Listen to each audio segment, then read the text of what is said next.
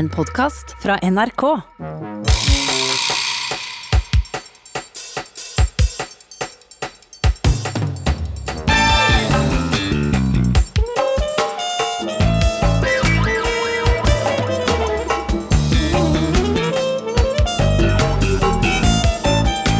Miles og bandet spilte inn plater og turnerte Europa og Japan rundt midten av 80-tallet. Miles Davis slet fortsatt med dårlig helse, men rusproblemene var under kontroll, og livsstilen god ifølge ham selv.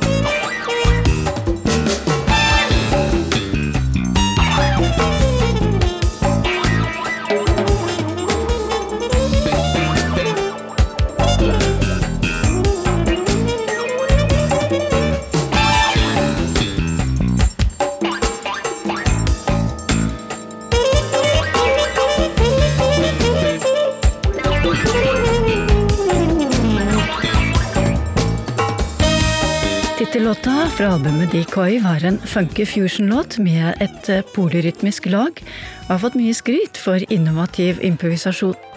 Og John Schofield anerkjennelse for hvordan han bruker gitaren til å utnytte rytmiske lommer til melodiføringen.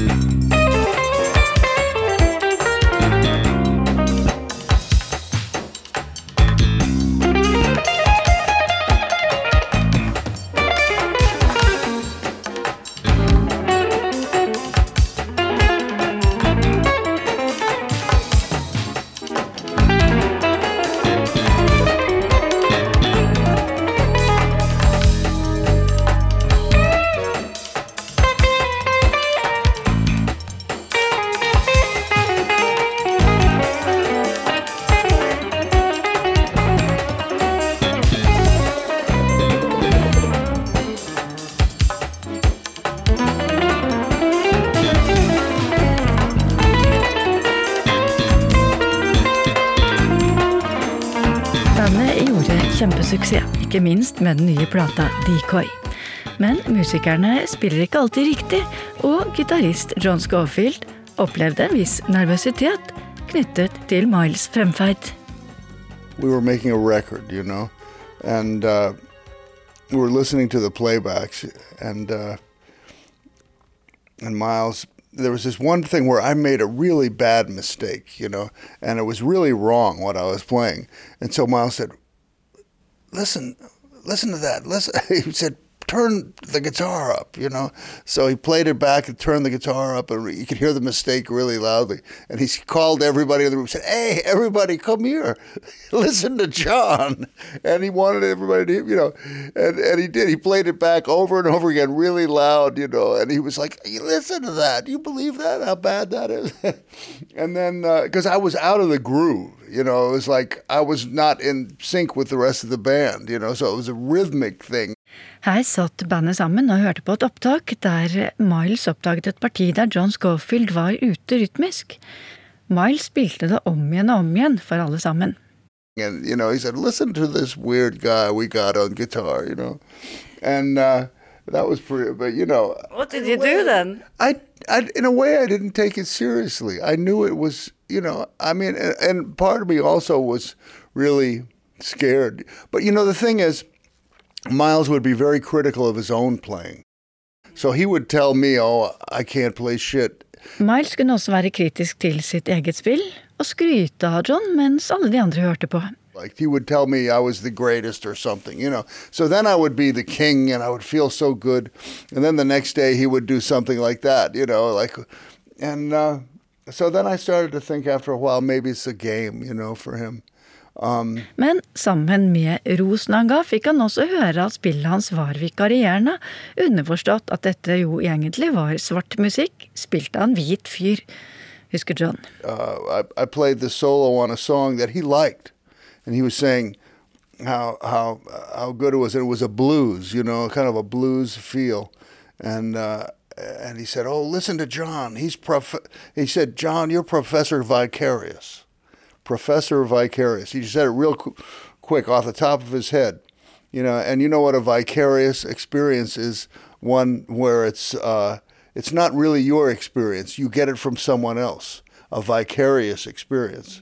So I was the white guy who got the experience of the black man from them, you know, which is yeah okay, that's true, and. Uh, he was always saying funny things like that, you know. Yeah.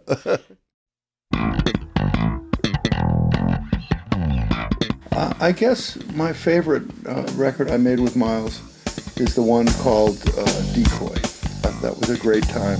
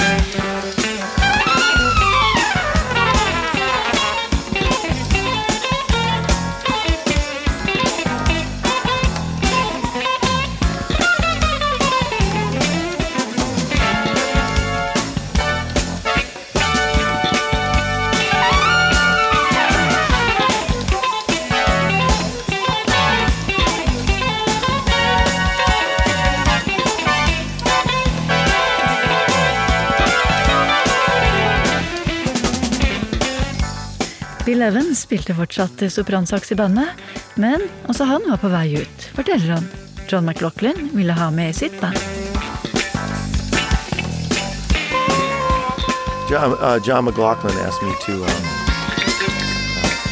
to join his group, and I, you know, and at that time, uh, it was like end of '83, going into '84, and he said he's starting a, a revamped Mahavishnu Orchestra. Would you like to join? And I said, sure. Now, I'd already played with Miles live and lots of concerts for three years and a bunch of records, and, you know, I wanted to play different kinds of music. Men han og Miles var fortsatt en form for sjelevenner, bl.a. med det til felles at de fulgte instinktene sine, som Miles hadde pleid å si til Bill Evans.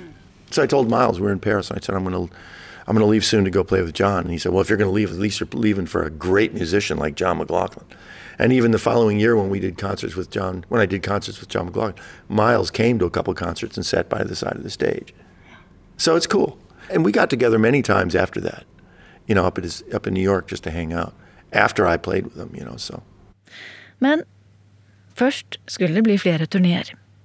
Miles skriver selv om ankomsten i Warszawa i 1983 som han syntes var storveis, der de ble mottatt som grever og bare ble vinket rett forbi tollen. Daværende sovjetleder Jurij Andropov hadde sendt limousinen sin som skulle bringe dem rundt omkring på sightseeing i byen, og med en beklagelse om at han dessverre ikke kunne vært til stede på konserten.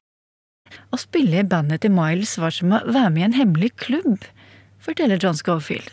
I remember feeling like when I joined Miles's that I was the member of a secret club. And he made you feel like that, like, okay, you're in with me now. You're in this secret society that uh, you can be a part of. And it was very special to be in that club, you know. did that make you feel proud? And did you feel sort of that it was special, or did you just sort of. Uh... I felt very proud because uh, that was the club that I wanted to be in more than anything. And.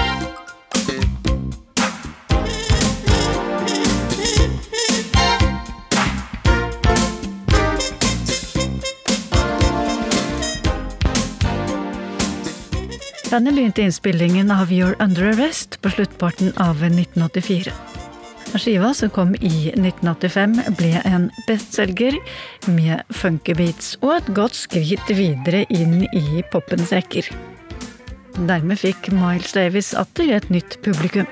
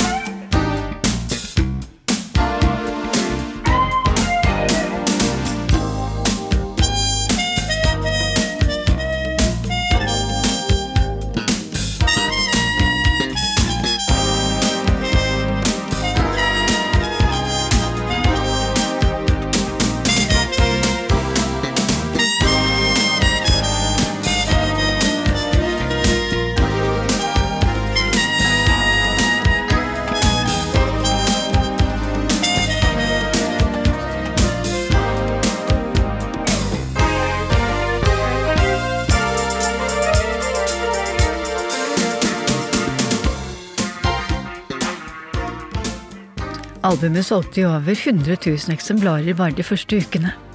Musikken var mer arrangert og popaktig, og flere av jazzmusikerne reagerte på dette. Miles hadde selv uttalt at han syntes noe av det mest interessante noe skjedde innen hvit rock. Og Prince var en av favorittene, som for ham tok tiden på pulsen som ingen andre. En planlagt utgivelse dem imellom ble aldri noe av.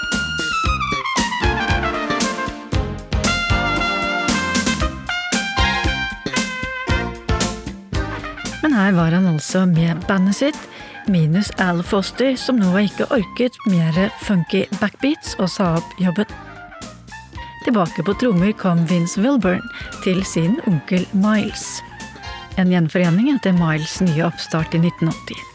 Der også keyboardist Robert Irving nå var tilbake, også som arrangør.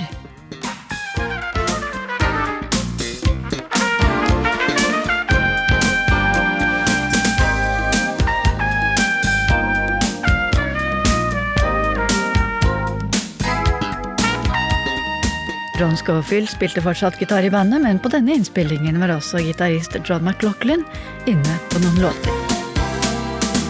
Det var en pågående prosess med musikere som forsvant ut, delvis på eget ønske, delvis som følge av nye trekk fra Miles Davis idet han hentet nye musikere inn.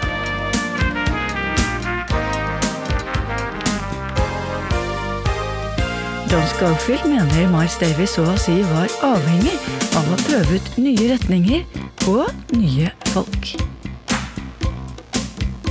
Every day was a new day for him, and he had to to somehow make that happen. He was like a um, uh, you know addicted to the feeling of new stuff, and and he was constantly trying to get that again, and uh, he really believed in it, and I think he was searching every day. He writes in his book many places that uh, actually the feel of uh, being friendly with all the band members is so important to him. He says that they're almost like his sons. I think he did feel that way. You know, he was like the abusive father, and uh, uh, he did feel that way. And and uh, I mean, he was hiring us, and he was making us famous by playing in his band, and he knew that, and we knew that, so he could get away with anything, you know, because we wanted to stay in the group, you know, no matter what. Do you think he also did it to to be a sort of the king, as you s- express it, of uh, the musicians in his band, to be in charge? Maybe that's true. He was always in competition with the musicians, which we all do.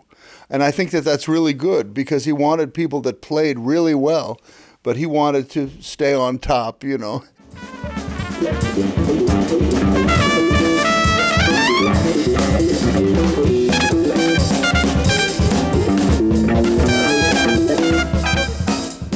Jazz er revolusjonens storebror. Revolusjonen følger den rundt, skal Miles Davis ha sagt. Isle of Wight-festivalen i 1970 foran 600 000 mennesker. Låta kalte Miles bare for 'Call It Anything', på spørsmål utenfra dermed ble den hetende 'Call It Anything'. Miles i oransje skjorte, der vi også hører Keith Jarrett, Dave Holland, Auto Morera, Jack og Jonette. Det var denne utgaven av eh, Miles Davis-bandet som John Schofield dumpet borti som 18-åring for første gang, og ble voldsomt inspirert. Det største av alt var det for å være del av Miles' band.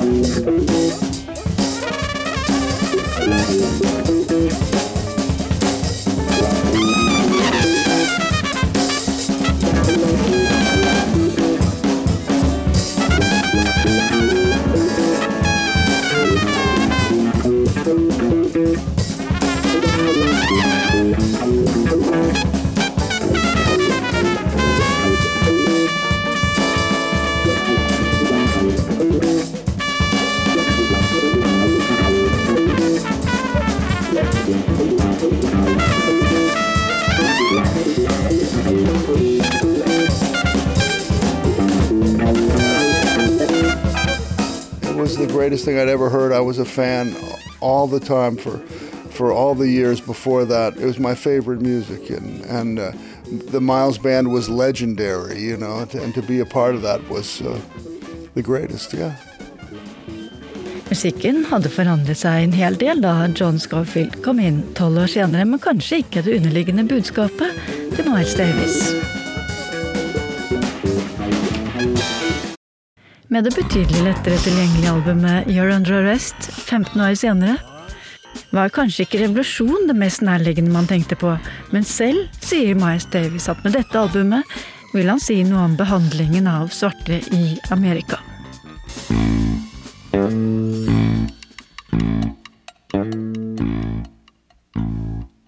Konseptet for You're Under Arrest sprang ut av problemene som svarte har med politiet overalt, skriver Miles Davis. Det at de blir fengslet for bare å være del av en gatescene, eller blir avskåret politisk, eller rett og slett havner i et åndelig fengsel bare fordi du er svart. Miles fortsetter med å angripe hvite mennesker i sin alminnelighet. Atomtrusselen, forurensningen. Hvite mennesker ødelegger overalt, skriver han, bare fordi de er så jævla grådige. Og de gjør det over hele verden. På låta Then There Were None brukes synthesizere for å illustrere flammelyder og ulende vinder som kunne ligne en kjernefysisk eksplosjon. Så hører vi Miles sin ensomme trompet, som en klang fra et spedbarnsskrik, og bjeller som ringer for de døde.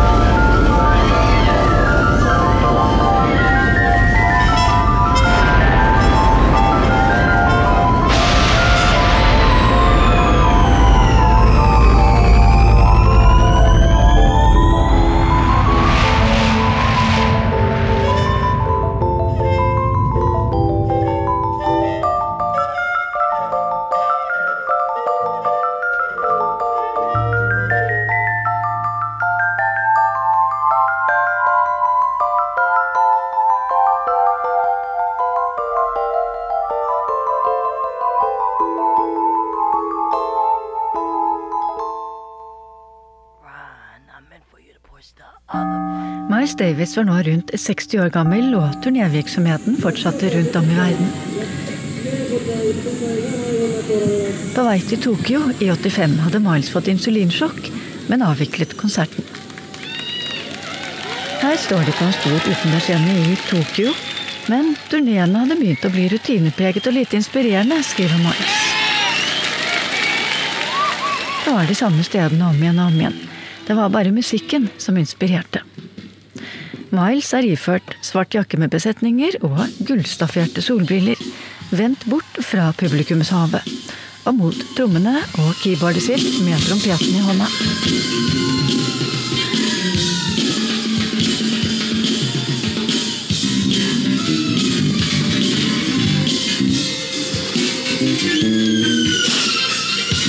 Som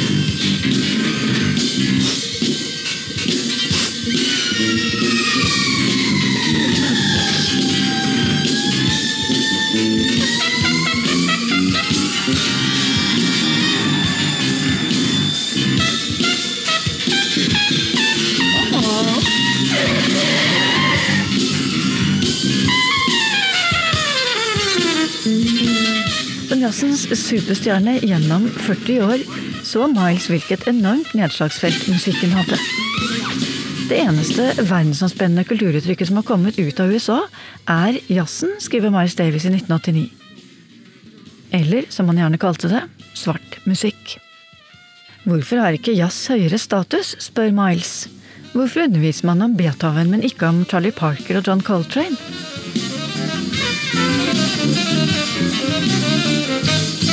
Beethoven har vært død i alle disse årene, og folk snakker fortsatt om ham, underviser om ham og spiller musikken hans. Hvorfor snakker de ikke om Bird eller Train, Monk eller Duke eller Louis Armstrong, slik de snakker om Beethoven? Shit, musikken dems er jo klassisk.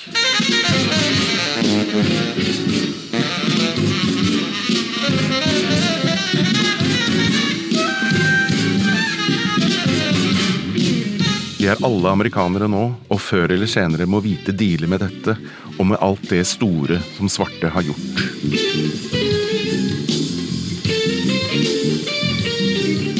Bob Berg-saksofonen, Robert Irving synthesizere, nevøen Vince Welburn på trommer, Steve Thornton perkusjon, John Schofield gitar og Daryl Jones bass.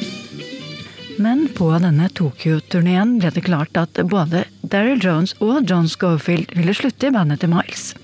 John ville komme Miles i forkjøpet og si opp selv før han fikk sparken, forteller han.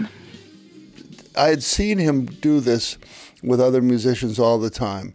And, uh, you know, people will tell you about he had this history of you would be with him for a few years, and then all of a sudden he would hire another guy on your instrument. He wouldn't fire you. He would have the other guy there, and you'd have to play with with two guys on the same instrument. That's the way it had been with Mike Stern. You know, he loved Mike Stern, the guitarist, but he hired me to be there at the same time, and there was no reason. But instead, uh, you know, instead of letting Mike go, he, he he just made Mike very uncomfortable by having me there too, and he did that with everybody. Det var et mønster, mener John Schofield, at Miles fyret inn en til på samme instrument, og dermed nærmest presset ut musikeren som alt var der. He did that with saxophonists. Jack DeJohnette said he did that with Tony Williams. That Tony was the drummer, and then Jack DeJohnette was brought in so I thought he was going to do that with me. so I thought, well, I'll, I'll, just quit, you know. but and he got mad at me, you know. He was like, "Why would you quit my band? Why would you do that?" You know. Hmm. And I thought, well, I've had my time with Miles. It had been two and a half years. It'd be been great, you know. Yeah.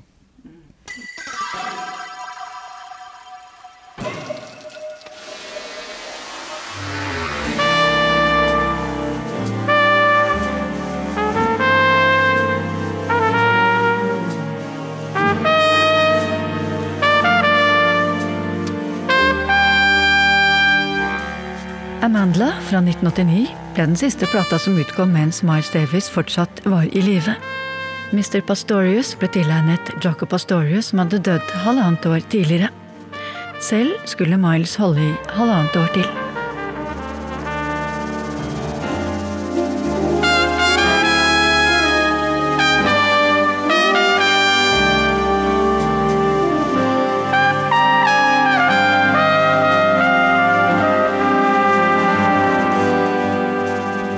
Til å lage musikk er sterkere enn noen gang, skriver Miles.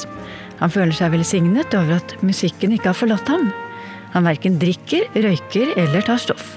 Trener og spiser sunt, bedyrer han, men har kroniske sykdommer. Han turnerer frem til august 1991. Noen uker senere drar han til sykehuset for en rutineundersøkelse, men havner i uoverensstemmelse med legene, for et raserianfall, får slag og blir liggende i koma. Den 28. september dør han, 65 år gammel. Miles kunne holdt lenger, sier Mike Stern. Han hadde fortsatt mye krefter. I know he didn't feel like he was ready to go when it was time to. He was. Vince told me. Vince Wilburn, who was his uh, nephew, said they were hanging in, at the hospital, and Miles just like, "I ain't ready to go." You know, he was. He had plenty of life still in him, and I mean, he was used to being feeling bad. You know, he had all kinds of things that weren't great, and he would still rise to the occasion, playing music and and living life pretty strong. You know.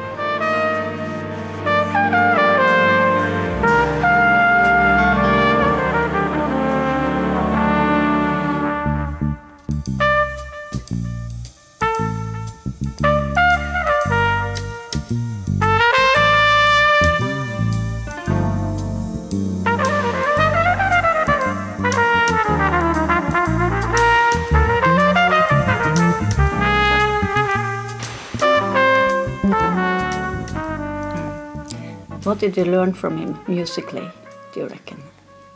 Well, uh, it's it's almost too much to even say in words what I learned from Miles. Uh, um, but I've been trying to learn jazz music my whole life, and uh, I think when I got around Miles, uh, that's when I really learned it from a master. And uh, with Miles, I really saw how you make the instrument fit in with the other instruments to be part of the painting, you know. And uh, that's what Miles could do magically, you know. Uh, sometimes I remember the band would not be sounding good, and he would start to play, and all of a sudden everybody else sounded good because of where he would place his notes. And uh, I, I, I, try to do that now, and uh, I think uh, I always think about Miles when I play. I think I can say the same thing. You know, sometimes I'm thinking of Jocko, sometimes I'm thinking of Sco, actually. Sometimes I think of uh, other people, but, but uh, I think Miles is always kind of in the background also. Just some of the things he would say. I mean, music will keep you humble if, if you, because it's, it's such a huge universe and there's so many things to draw from. So, uh, but Miles is a big part of it for me, that's for sure. Always will be.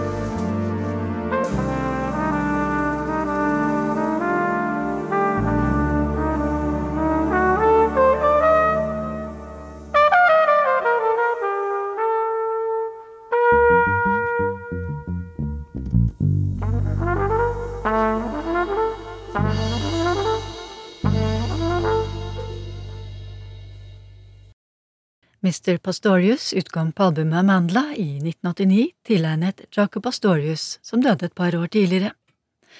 Albumet Aura utkom et halvt år senere, halvannet år før Miles Davis døde. Vi har hørt John Schofield, Mike Stern og Bill Evans fortelle om sin tid med Miles Davis. Jeg heter Karen Frivik, og dette var fjerde og siste del i serien På veien med Miles Davis, tiden etter comebacket. Du har hørt en podkast fra NRK. Hør flere podkaster og din NRK-kanal i appen NRK Radio.